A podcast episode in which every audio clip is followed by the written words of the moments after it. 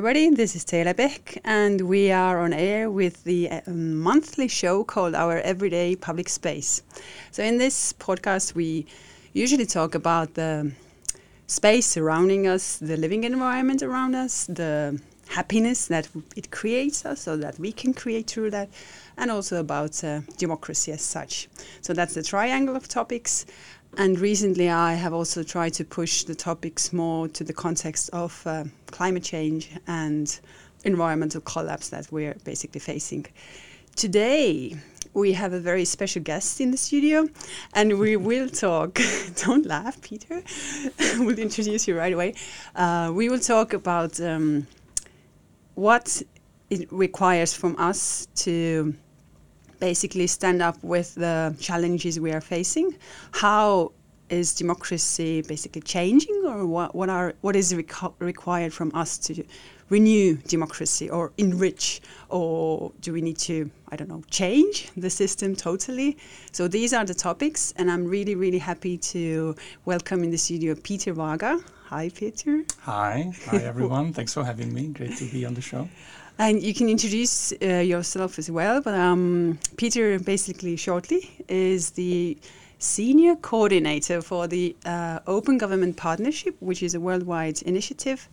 Uh, and you coordinate the, the European countries. So can you, for you sure. know, for an introduction or definition, just tell shortly about what is the Open Government sure. Partnership? No, very very happy to, and thanks for the invites again. It's it's fantastic to be in Estonia, one of my favorite countries in Europe. Indeed, um, I'm a senior coordinator for the Open Government Partnership, mostly working in sort of the northern European countries, amongst them, of course, the Baltics. Um, OGP, so Open Government Partnership, you were asking, um, is a very, very progressive, n- wonderful organization to work for, um, now encompassing 79 countries. Uh, and what we do is basically uh, we come together with governments and civil society in these countries to, as the name suggests, in short, to open up governments. But what does that mean, right? So it's basically all about how do you turn government, civil service into a mechanism to really assist the citizenry at large. So instead, as we have heard, you know, a lot of times on the news across the world, instead of the elites working for themselves, enriching themselves, hijacking in some cases, you know, government for themselves, it is all about how do you involve the citizen, how do you talk to them, how do you get feedback, input, how do you improve the services, and how do you ultimately make government work for all of us. So that's sort of the spirit of the partnership. It was founded almost eight years, well, actually more than eight years ago now, uh, in 20, 2011 uh, by President Obama uh, back then and seven like-minded um, uh, world leaders from the region. Norway was actually a founding member. Uh, and very quickly, you know, it grew to a much larger global movement. As I said, now we have 79 member states. All of the Nordics are members, except for Iceland. We're working on that.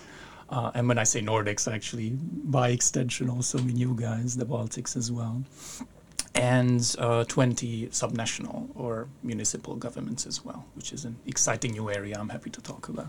But that's what basically OGP is in a nutshell. Yeah, okay. Thank you for that intro. So, um, anybody listening to us, you can also give feedback. Did you understand what it is about? Mm. Because the language is sometimes quite complex and maybe quite abstract. So, mm. I'm happy to receive the feedback um, anywhere you can uh, leave it. But uh, okay, OGP, this is the short version of the Open Government Partnership, was founded back in 2011 by the like minded um, head of states, mm-hmm. right? So we are now in 2019 and mm-hmm. um, just starting 2020, and there are different like minded yeah. head of states. Um, you know, and, and the wave is spreading, or, or mm-hmm. there will there are more and more of them uh, that you know don't promote um, civic rights or freedom of speech or or uh, freedom of assembly, but they create like controversial movements. Um, so, what is your take here? How well is open government partnership working? And this is sometimes also asked like sarcastically, mm-hmm. like how is it doing nowadays? Yes, yes. So, yes. what's your answer? no, absolutely. Um, I mean, it's it's almost sad, I guess, to see, you know, over these eight years, the quote unquote developments that we have seen. I mean, obviously, when OGP was founded, uh, yeah, the, the scene, the world scene, the world politics was, was quite different, right? It was um, calm and like nice. Calm you know? and nice, and you know, still full of optimism. Yeah. I mean, we, we were past obviously, you know, the, the, the global financial crisis, but nevertheless, there was, you know, some some some kind of mutual collective agreements that you know the, the, the way in which governments are going is actually to be more, you know, um, having the citizen in focus. Uh, so we were positively optimistic about you know the rise of new technologies. Everybody was well, not everybody, you know, but most of us, I would say, were um, expectant about what you know the digital technologies can bring, and they brought a lot of good. Don't get me wrong, but I think early on, like with any technology, I think um, we saw the more positive side, and we did not necessarily expect uh, or hoped you know that you know the worst side of you know digital technology wouldn't come to be social media etc wouldn't come to be uh, but over time as you know we are we are where we are there have been some interesting, so to speak, developments, I would say, in politics. And indeed, many of, well, all of the founders, obviously, they were all from, you know, uh, parliamentary democracy. So they all left office by now. Uh, and there are some new world leaders. Uh, in terms of OGP, we get this question a lot. So how does it look now that, you know, some of our early champions are no longer there? One good thing I can say is that, you know, having grown from 8 to almost 80, there are a lot of the word has spread, the spirit has spread. It's no longer just those eight countries. And through that spreading of the message, we have been able to get some new champions on board. Some some some other countries who took the baton from maybe the United States mm-hmm. that was you know first initiating this, uh, Mexico or you know Brazil. Many of these are mired in some scandals. Uh, but again, democracy is ups and downs. You know, uh, good things come and bad things come as well at, at times.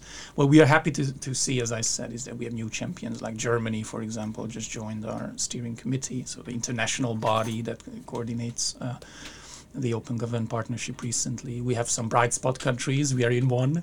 We like to call Estonia and the region generally as a bright spot country with a lot of good innovations uh, in government coming out of here, or Armenia, just to name another one from from the post-communist uh, countries.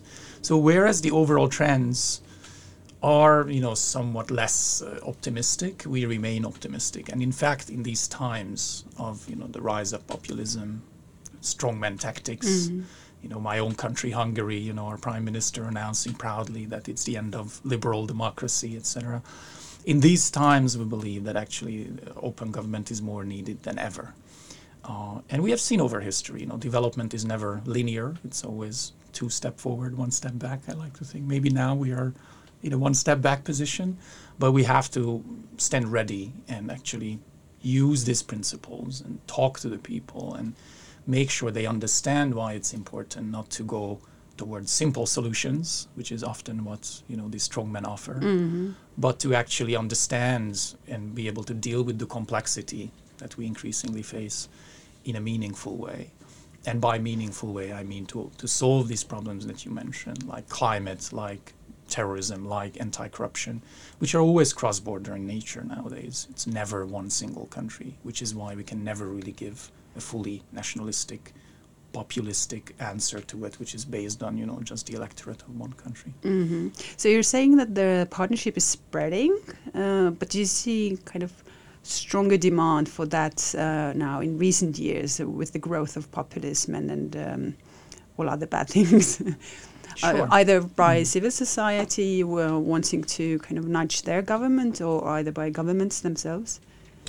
Yes, we definitely feel that there is more more need. I think globally as well as in most every country. I can't say all, but definitely most countries that we are present in.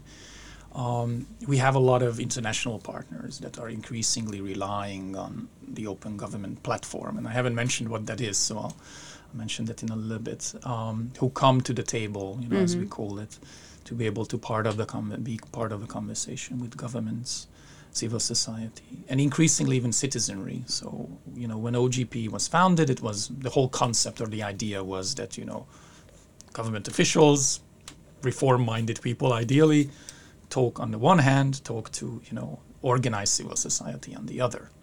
And within organized society, civil society, it's normally, you know, the sort of, as we call them, the usual suspects, so organizations that normally work with governance, open data, civic tech, anti-corruption.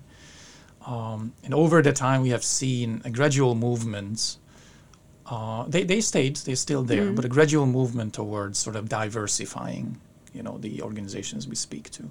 So uh, just the past couple of years, we see you know women's rights groups kind of coalescing and coming into the conversation. We see youth groups in some cases. Again, it's we're not there yet, but the fact that you know more and more diverse groups uh, use the open government platform is very encouraging, uh, and also the citizenry, which I mentioned. So in every country, we encourage both the governments and the key partners we work with to talk to the citizens more. Um, so I mentioned the platform. The way OGP works is basically we, we ask and we invite every country to develop what we call an action plan, uh, because it's not just about talking, as many other international plat- platforms, but to actually turn promises into action, and that is done through this action plan, which uh, in our you know jargon is co-created. so again, citizens, governments come together, design it together, often even implement it with each other's help. So co-create this action plan, which lasts for two years, and into that, uh, basically any kind of commitment that has to do with these problems that you mentioned, with opening up government, with corruption, with citizen engagement, with opening up government at large. Any of these commitments can make it into an action plan of a country. So OGP does not mandate Estonia that look Estonia, this is what you have to do. We have ideas, we can suggest it, but it's ultimately up to uh, the domestic sort of environment. And into these, so into this co-creation process, we see that more and more governments invite the citizenry, talk to us, tell us what you want, and then we promise to put this into the action plan. And then OGP, the international organization, comes in, looks at it, evaluates it, gives advice on how to improve it.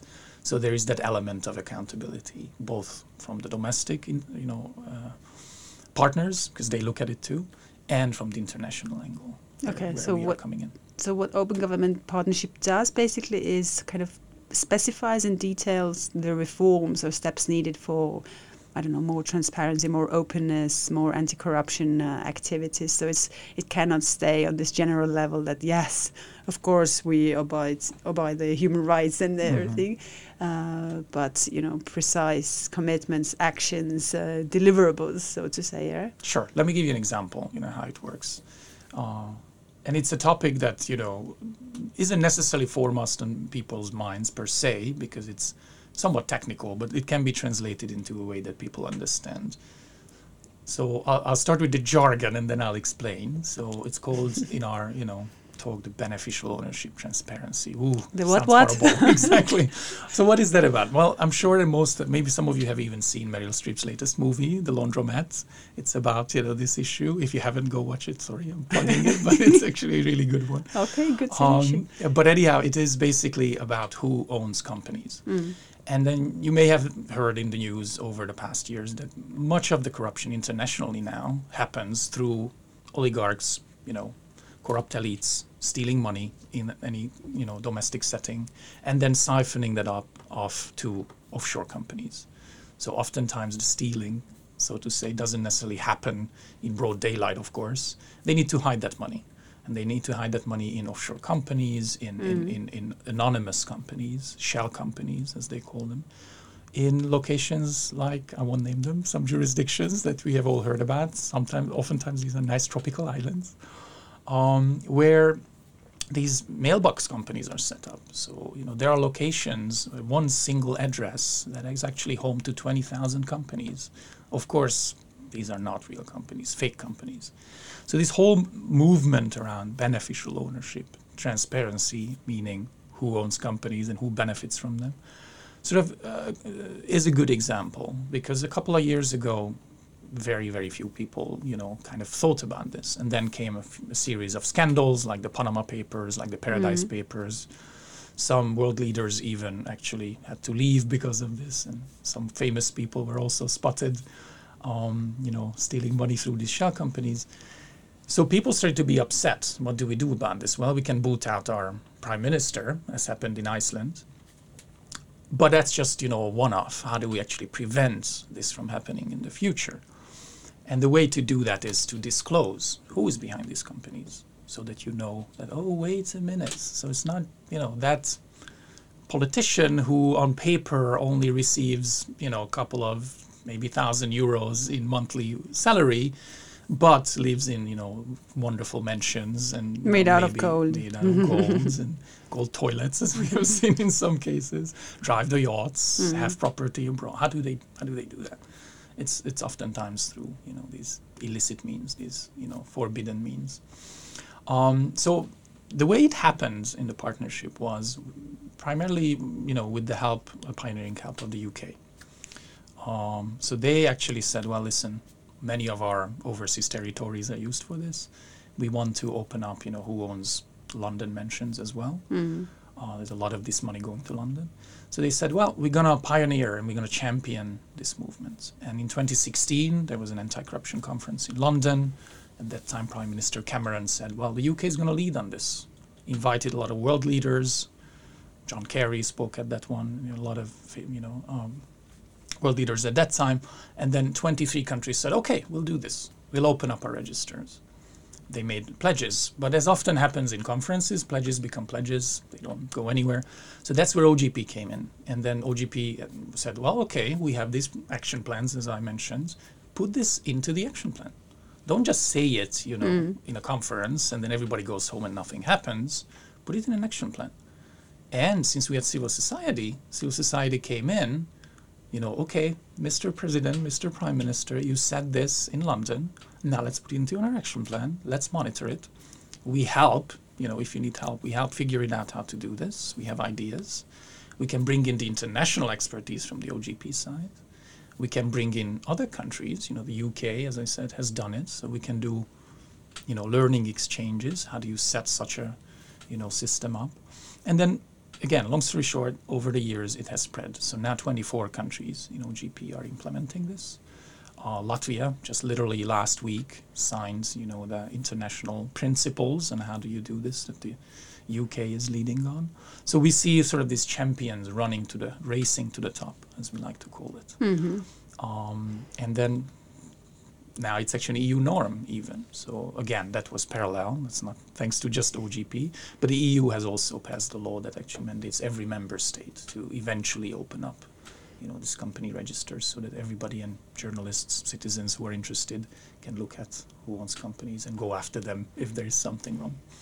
Okay, let's continue that uh, discussion after a short music musical break. No,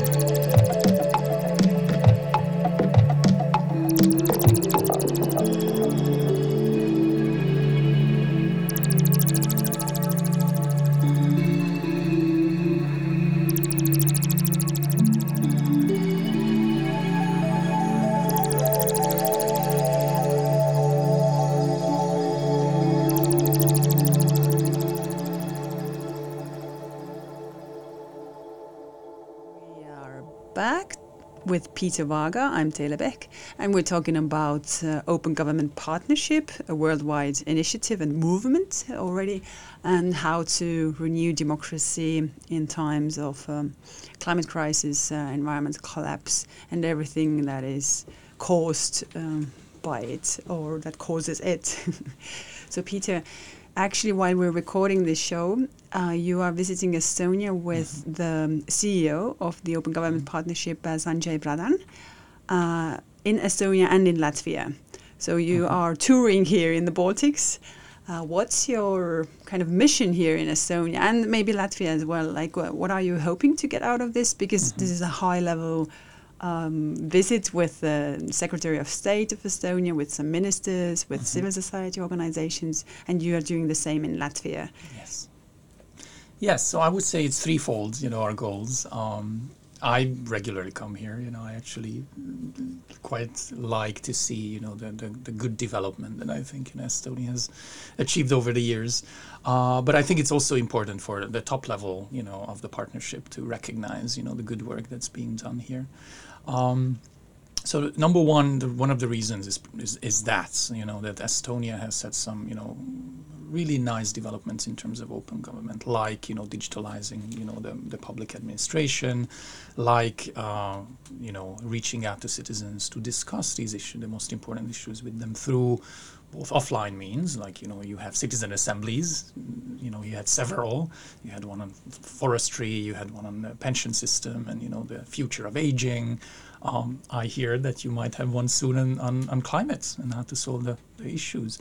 That's so giving voice, you know, to citizens is a very important. Um, and you would think, you know, much more uh, uh, spread uh, uh, example, but you know, Estonia is actually, I would say, one of the world leaders in this regard. Um, or even bringing, you know, open government principles again, talking to the citizens, opening up, you know, what the government does to the local level. So Estonia has actually, uh, you know, pioneered this as well, you know, developing cooperation with local governments as, you know, the, the, territorial reform happened a few years ago. So, as we call it, a bright spot country, a lot of good examples. So one of the reasons we come here is to basically encourage the leaders that listen, you have you have done such a good thing. Uh, you could show example and you could show the way for the rest of the world to to follow suit um, through the OGP, because as I said, it's a platform of practitioners, it's a platform of reformers. They are interested in this. Uh, they want to know how to do this. So spreading the example, spreading the gospel, so to speak, uh, is an important element, and Estonia is in the right position to do that. Uh, number two, we are here because, well, fine, these reforms happen, but of course Estonia isn't perfect, and it's not, you know, there's always room for developments uh, one of the examples I mentioned earlier on, you know, how do you actually make it fully public, you know, who owns companies. Estonia is quite far ahead, but there's still a paywall. You know, if you want to see you know, all this information, you still have to pay. Mm. It's not in fully open data format, which means that you can necessarily download en masse and actually do comparisons and analyses. So, you know, one example of, you know, where Estonia could progress. Uh, but there's a lot of room even to take these citizen assemblies and, you know, the online citizens initiative, Rahvaalgatus platform forward. Um, as we know, all of us hopefully go every four years to vote. But that's just, you know, one occasion out of every four or five years at the ballot box when we can, you know, really meaningfully influence our leaders. Uh, so it is important to kind of pioneer these uh, ways of talking to the citizens, seeking their input, deliberative democracy, as we call it, um, um, to to actually encourage them to participate and don't just leave these decisions off. If you can order pizza on your, you know, um, smartphone in a minute, if you can provide feedback about a restaurant because you didn't like their food, many people are wondering why can't I do with my government? Hmm. Why can't I actually provide immediate feedback on the healthcare service or the schools or you know the way the roads are? And in many cases you can. I know that you know in, in Tallinn there's also a system to do that, but that's not the norm yet.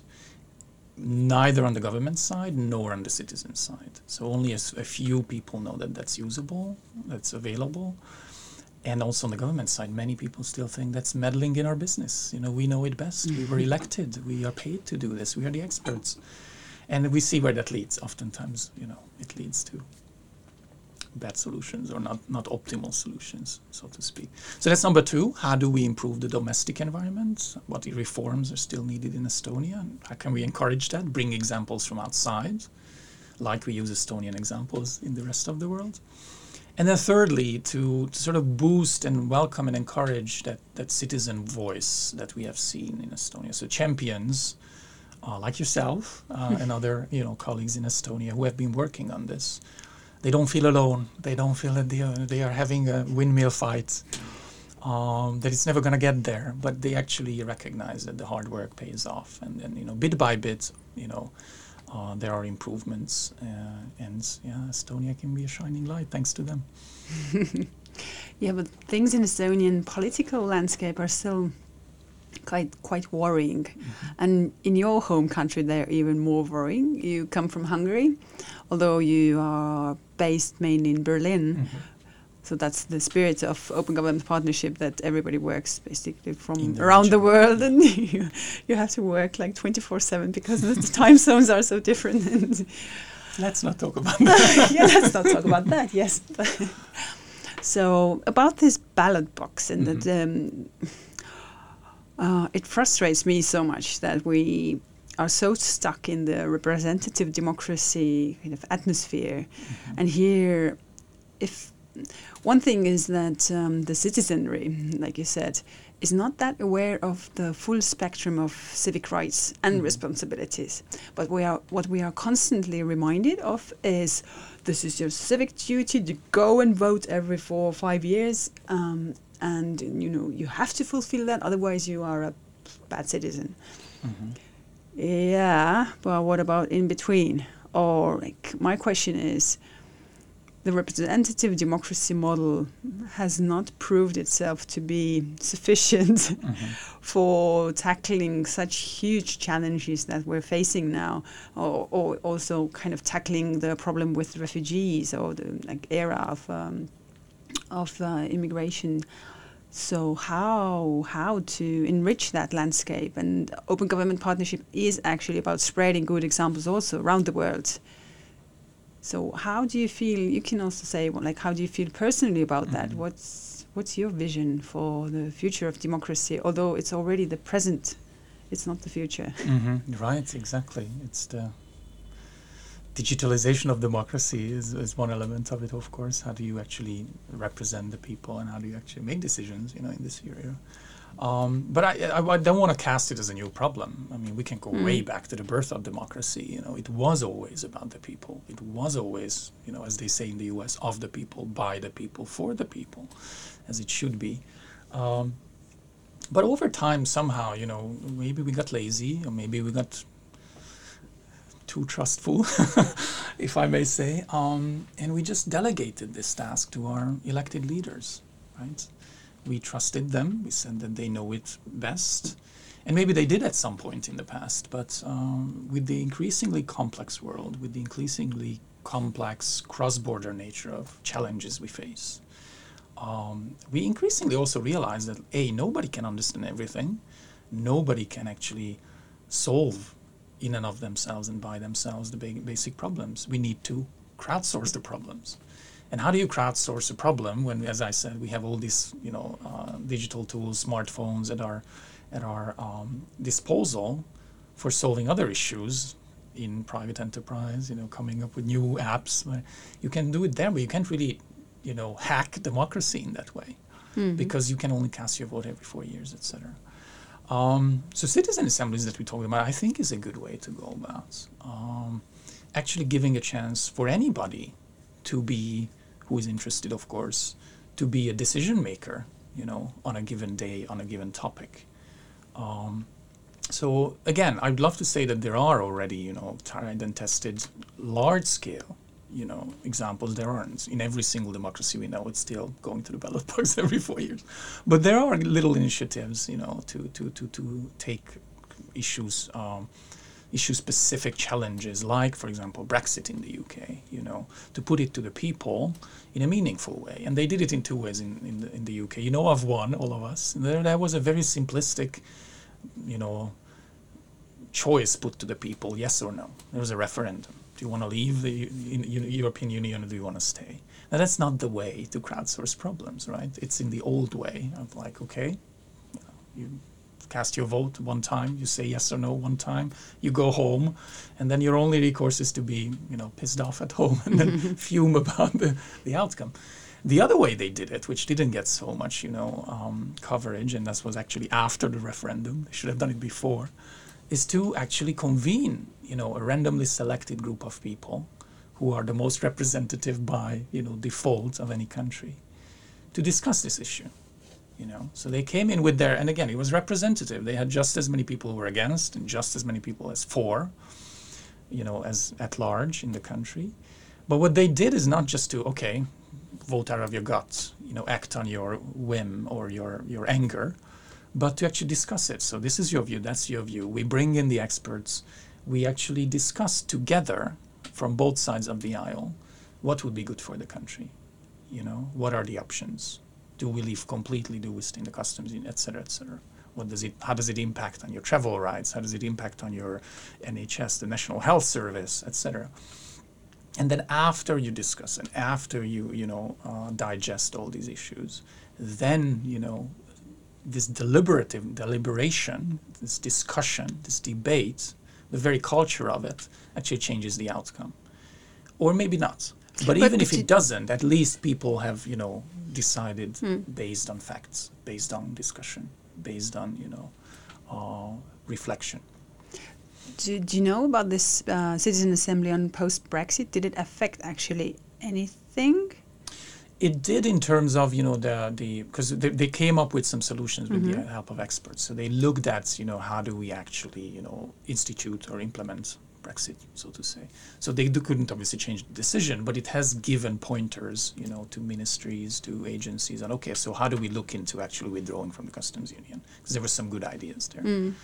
So again, it's, it's it's good for two things, and it doesn't substitute, as I said, it's not a threat in in a way to to uh, the normal representative democracy, because ultimately it's, it's still your parliamentarians who make the decision, but they get inputs on a what people want, and b what are the good ideas and how can we do this mm-hmm. so to to kind of have uh, you know a bit more room for these type of you know deliberations uh, in order to improve improve government that was a very interesting this is slightly off topic but it's related ultimately i just read a very interesting you know study last week uh, I think it was in India that's you know an, uh, an instant messaging app. I won't say the name, but they started experimenting with putting in sort of time blocks. You can't actually send on, you know, news or even mm. fake news straight away.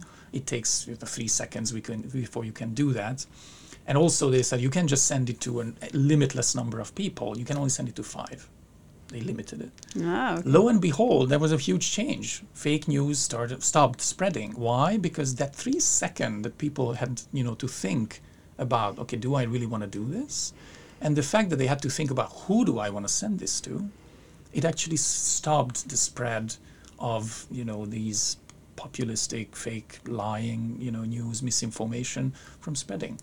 Which again, how it's related to here, that element of infusing time back into the system, giving people a chance to actually to reflect, to think before the knee-jerk reaction, mm. which seems to have taken over our politics as well, before you know letting that anger go out without thinking about what it causes that can be that can make a big difference. And again, citizen assemblies bring that element in this case. Yeah, totally. Yeah. So this is also what uh, Sacha Baron Cohen basically right. in his uh, recent speech. So have you seen it? I haven't. It's I know him. Very actually met him at one point, but it's ah, a different story. Was yes. he wearing a suit? Uh, this uh, swimsuit?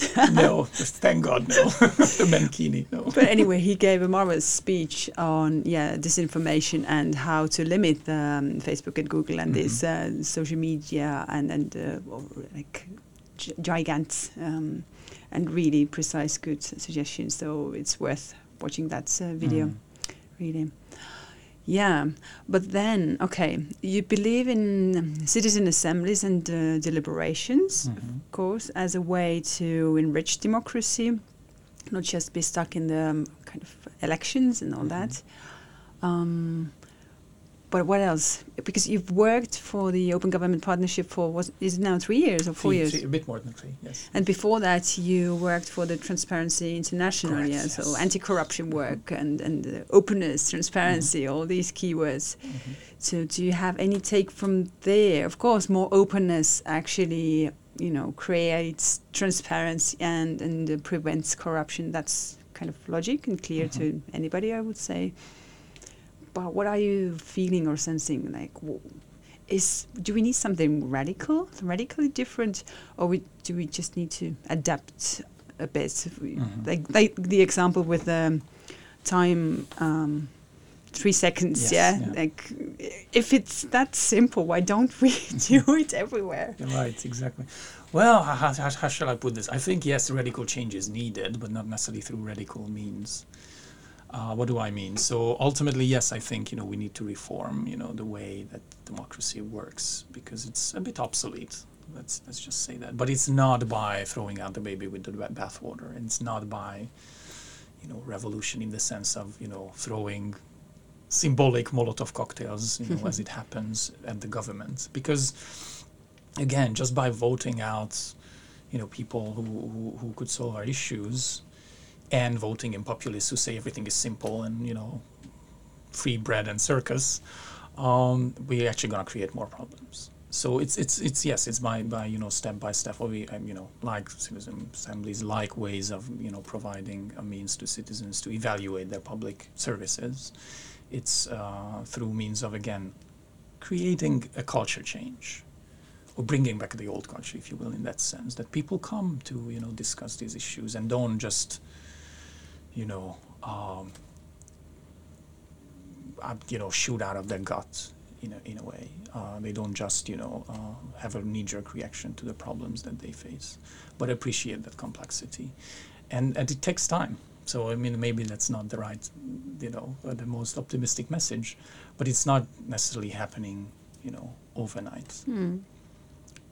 One example maybe I can bring to you, you know, on, on where OGP has seen development, and you know, because I, I talked a lot about citizens participating, but open, and then we get this, you know, a lot in terms of criticism that you know, you know about openness, and if you open up information, if you release data sets, if you know more journalists write about corruption, a either people don't care because you know who has time on a Saturday you know afternoon to look at, at data sets, or people get more apathetic. But oh yeah, everybody's corrupt, you know. Mm. But that sort of misses the picture because that's just step number one about transparency, you know. And initially, this is where the whole movement, even in TI, Transparency International, where I worked, and even in OGP, was sort of coming from that you know well we just release these data sets we just let people know what's happening and then they'll solve it or you know they create it and they'll come is what you know was sort of the gospel now that's not the case of course because as i said people are not experts. In, you know or they just don't care in the sense of they don't have time. They have to take their kid to you know school. Or they have to cook sunday dinner so they're not necessarily taking time out. So make it easy for them. That was step number two and that's where the participation comes in. So for example you know uh, in italy a couple of years ago, the government decided, well, you know, there's a lot of EU money coming into this country. It helps a lot of people, but people are still, you know, against the EU.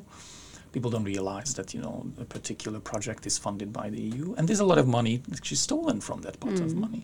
So what they did, okay, let's release the data sets. You know, we're gonna show where all the structural fund money went. Did it build, you know, a bridge, a school, etc., etc nothing happened. People are like, okay, what do I do? And I, you know, maybe journalists looked at it, so, but citizens didn't know that. So what they said, okay, so we need to actually, based on that open, you know, information, we need to actually make citizens want to work with this or come to this. So what they did actually a school program. They actually trained school students on how do you look at the data? What are you looking at? What's the most important part? How do you compare it to reali- reality? and then you know they trained I, I don't know how many but like hundreds of schools and thousands of students on how do you use that data set oh your school was supposed to get you know a football pitch did you, you know? and this, so they became on-site auditors in a way they, they you know went there they checked you know they could actually uh, you know detect money misspent.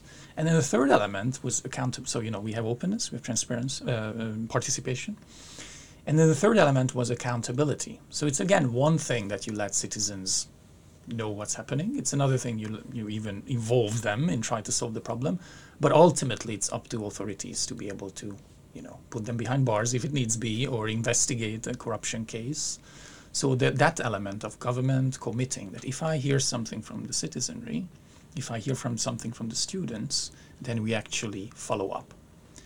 And then that's sort of the whole package. So yes, maybe openness in and of itself creates more anger, but if you actually make it easy for citizens to take part, like in Italy, like in many other countries that we have seen this, and then the government says, okay, so we'll do something. We'll change the law. We put that person behind bars if needs be. Then that creates trust. And then, you know, bit by bit, in a, in a, in a virtuous circle, people realize, okay, A, I'm listened to. It's just like parenting, you know, like your, your, your, your, your, your son or daughter wants to be validated, wants to be listened to, wants to take part in the decisions of the family. Mm-hmm. And ultimately, you are, as a parent, still in a way in charge. You make the decisions and you make that safe environment for you know the child to grow not to compare citizens to children but just to show that the way you treat your citizens is what they become if you treat them as subjects that should be outside of the government that should be outside of decision making that are apathetic that don't care probably that's what's going to happen. But if you treat them as grown-ups if you invite them to the decisions if you listen to them and if you actually tell them what you do with their inputs and don't just let it, you know, go into a black box and never used again, then they become grown-up citizens and then they, they do crowdsource the problems and they do solve you know the, the challenges of the country or hopefully even the world mm. to, to but I, I, really like the I really like the parallel because yeah the you compared the governments to parents basically and it's about uh, the public sector accountability a lot that mm-hmm. we are forgetting and we were not aware of what the government is actually supposed to take care of and how this how bit is always you know process defines the outcome mm-hmm. so like how openly, how how engaging, engagingly, and all that. But uh, the comparison is also good because, you know, parents are responsible for their kids' um, health, wealth, well-being, happiness, and all that because they're not able to take care of themselves. Not that citizenry is not able to take care of themselves, but the government is supposed to create the means, the atmosphere, the enabling environment for the citizens to flourish, for civil society to you know take care of what they want to take care of, you know, press on um, problematic topics and, and all that. So I really like the parallel. Thanks mm. for that. Amen. Yay! Long live parents uh, and governments. good governments. Yes. Yeah, good governments. Uh, but um, there's a small hope also in Hungary mm -hmm. because in Budapest, the new mayor now is actually doing great things and being very accountable. And can you a bit tell about that? Sure, what's sure. happening because we know what's every, about everything else, all these illiberal yes, things yes. happening in Hungary. Been, been happening for a while, indeed. Yeah, and, and that's why I'm saying that you know n- there's always hope, and and, and mm-hmm. that hope rests on you know uh, responsible citizens, and they didn't disappear in Hungary either, right? Thank God. And then you know, yes, sometimes people are misled but then I, I, trust in people waking up, and, and hopefully that's what happened in Hungary. So just last month there was a municipal election, and some of you might know. Um, and in Budapest, uh, basically the opposition um, won the, the, election, and now a young, dynamic, progressive uh, mayor came into power quite with overwhelming support, which was even surprising to many people after seeing election after election that you know actually um, the far right conservative you know government was sweeping every election. So people started losing hope, but they nevertheless, interestingly, kept on going to the ballot box. that's your only mm-hmm. option. Um, the good thing was that again he um, the, the current mayor, Gergely Karácsony, he, he was actually a district mayor before, and he tried many of the things I talked about. He was actually, you know, opening up all the spending, and he showed what do what did this district, you know, spend the money on. He did ask citizens regularly, and you know, how do we improve our, you know, neighborhoods. So he gained those credentials of actually ruling with the people, you know, or actually, you know, yeah so we, based on the credentials, people say, "Oh, let's give this a shot instead of you know our good old crooks who steal the money." Um, so he came into power, and now he declared an you know climate emergency in Budapest, which is a first, you know, at least in our country. Um, he, you know, regularly bikes to work, so he's not just talking the talk, but walking the walk as well. Uh, he even, you know, decided after 10 years of, you know, good governance NGOs knocking down the door of the city hall uh, with an integrity program, he decided to actually implement that in Budapest. So again, open up all the contracts, you know, so people are trustful that money is not stolen because they can check Mm. All the all the contracts and tenders then as all well. the contacts, all the ten- contracts, all the tenders of Budapest, you know, going forward, Mm-hmm. you know, because that's oftentimes public procurement is where all the money's, well, most of the money is stolen, right?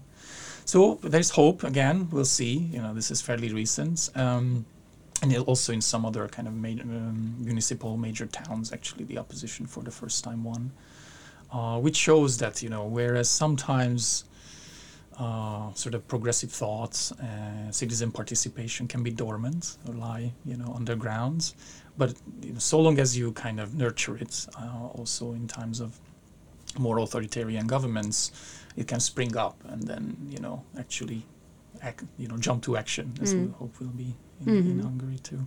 So there's hope. It happened in you know Turkey as well. Istanbul is now led by the opposition. It's happening in more and more countries. There's fight back, if you will, against populism and strongman tactics. Yeah, we're trying to renew democracy here, but we're still talking so much about representative democracy and elections Mm. as a way, as the mechanism uh, how change is implemented or possible. This is yeah. Um, Well, I mean, one example, like just just to take it to Budapest, is that they actually, you know, many of the major sort of investments that you know the previous government wanted to do, which would have been another means of kind of stifling the city and stealing some money from it, like major sporting events, which, if done well, of course, that brings a lot of income. But like in many of these corrupt countries, we see that that's just a vehicle. Building a new stadium, organizing a world championship is just a means to kind of stealing money. So what what is happening is that okay, so we put that to a public vote. So we're gonna, you know, say before we actually commit any more penny, we're gonna ask the citizens, and we may still build that, but it's gonna done through open contracting. It's hmm. gonna be done through maybe revitalizing the whole neighborhood, building parks as well as kindergartens, and not just that sporting facility that's mm-hmm. used for that one occasion. So there's elements to again bring in the citizen voice, even in a representative democracy. Yeah, okay. What's your view on the basic income, universal mm-hmm. basic income? Mm-hmm. Do you see that as a solution? Because some mm, thinkers they they think that uh, it should be applied to kind of solve the inequalities, the growing Mhm. inequalities that um, every uh, developing country is facing, and it- that are creating huge problems, not only on the work market but uh, Mhm. also in the you know in social cohesion. I guess I won't surprise you if I say that, but yeah, I, I, I see hope in it. I'm actually a fan of you know exploring it more. Again, it hasn't really been uh, proven in reality because people are maybe just too afraid to try new you know um, solutions. But I think it could definitely work, and then the reason why, and I, here I want to link it to the climate crisis as well.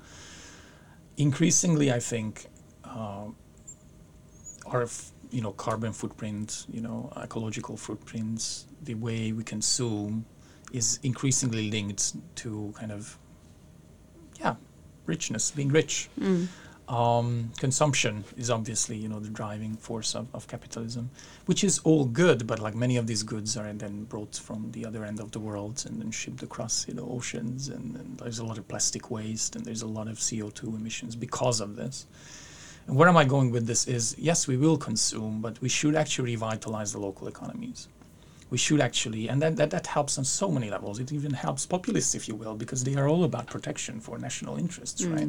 So if you can grow local producers, I mean, nurture them, if you can actually buy local, that will actually help the climate a lot more. It will help local jobs. It will help, you know, uh, lo- uh, local economy.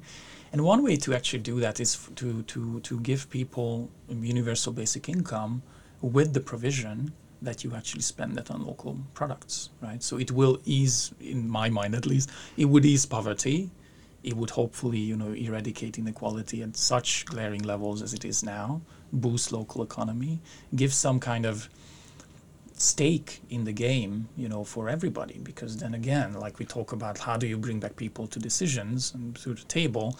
If actually there's a universal basic income of sorts that will again show people that well, there's a government that cares about you. There's a government that provides for you. So hopefully that will also engender people wanting to take part more again, it remains to be tested. So, you know, I'm open to be convinced otherwise, but it does seem to be one good, worthy solution to look at to, to solve a lot of problems in one go.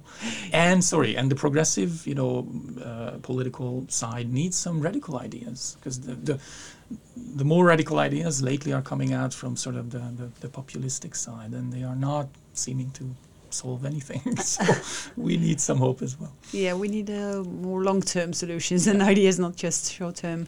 Uh, for those who don't know what is the basic uh, universal income, mm. this is the kind of the standard needed for survival, and then that is spread to everyone. So there's no unemployment money then or other mm. social protection means.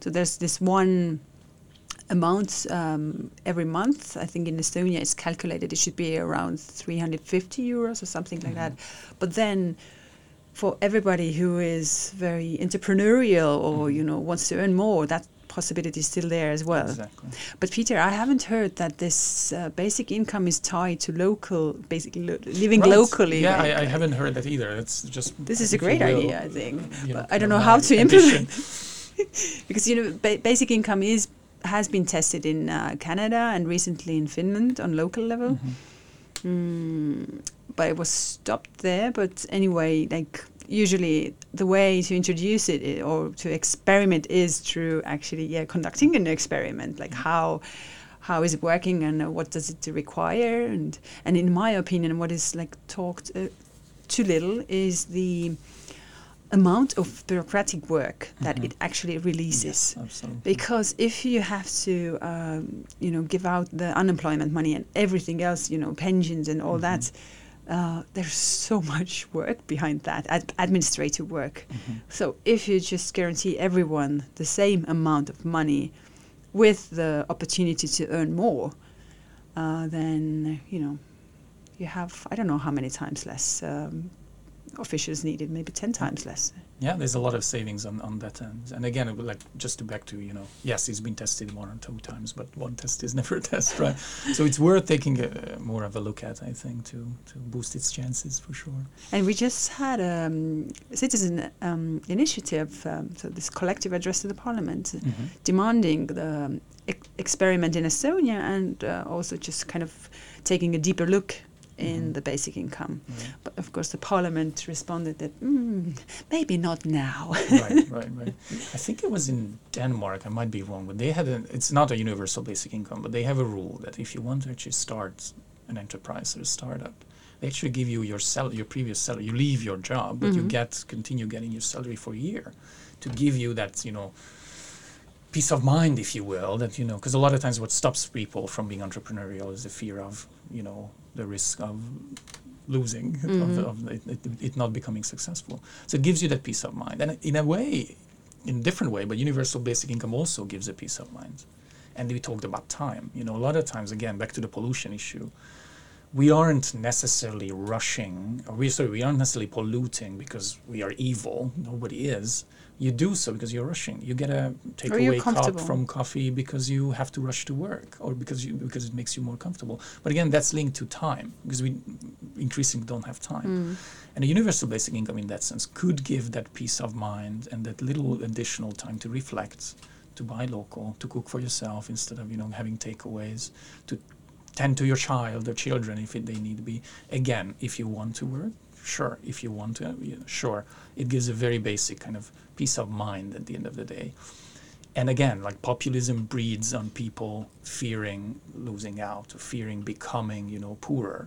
So if you have that peace of mind, which is maybe why the right attacks the idea, because it mm. would potentially decrease the number of the people they can prey on. But if you have that peace of mind, I think then yes, you can participate more, you can be more mindful, you can be more reflective, you can be more environmentally friendly, etc., etc. So I, I think it, it holds promise for sure. So we started from the Open Government Partnership, and we ended up Yes. with uh, how to get more time, how to cook dinner, how to parent, basically. Which is what ultimately citizenship is about. Yeah, Open government is about people being happier, ultimately. do, do you want to add something? Do you have something that you, you know, would regret not saying? No. Ooh, I talked a lot. Maybe I regret things I said. No. um, Don't.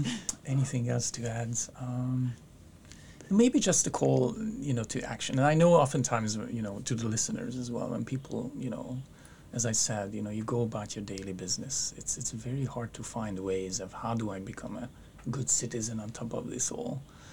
Um, and I think it is a bit of that. Like, give yourself a bit of time, give yourself a bit of reflection, and if you actually slow down a little, you will find those ways of, you know, almost automatically becoming a better citizen.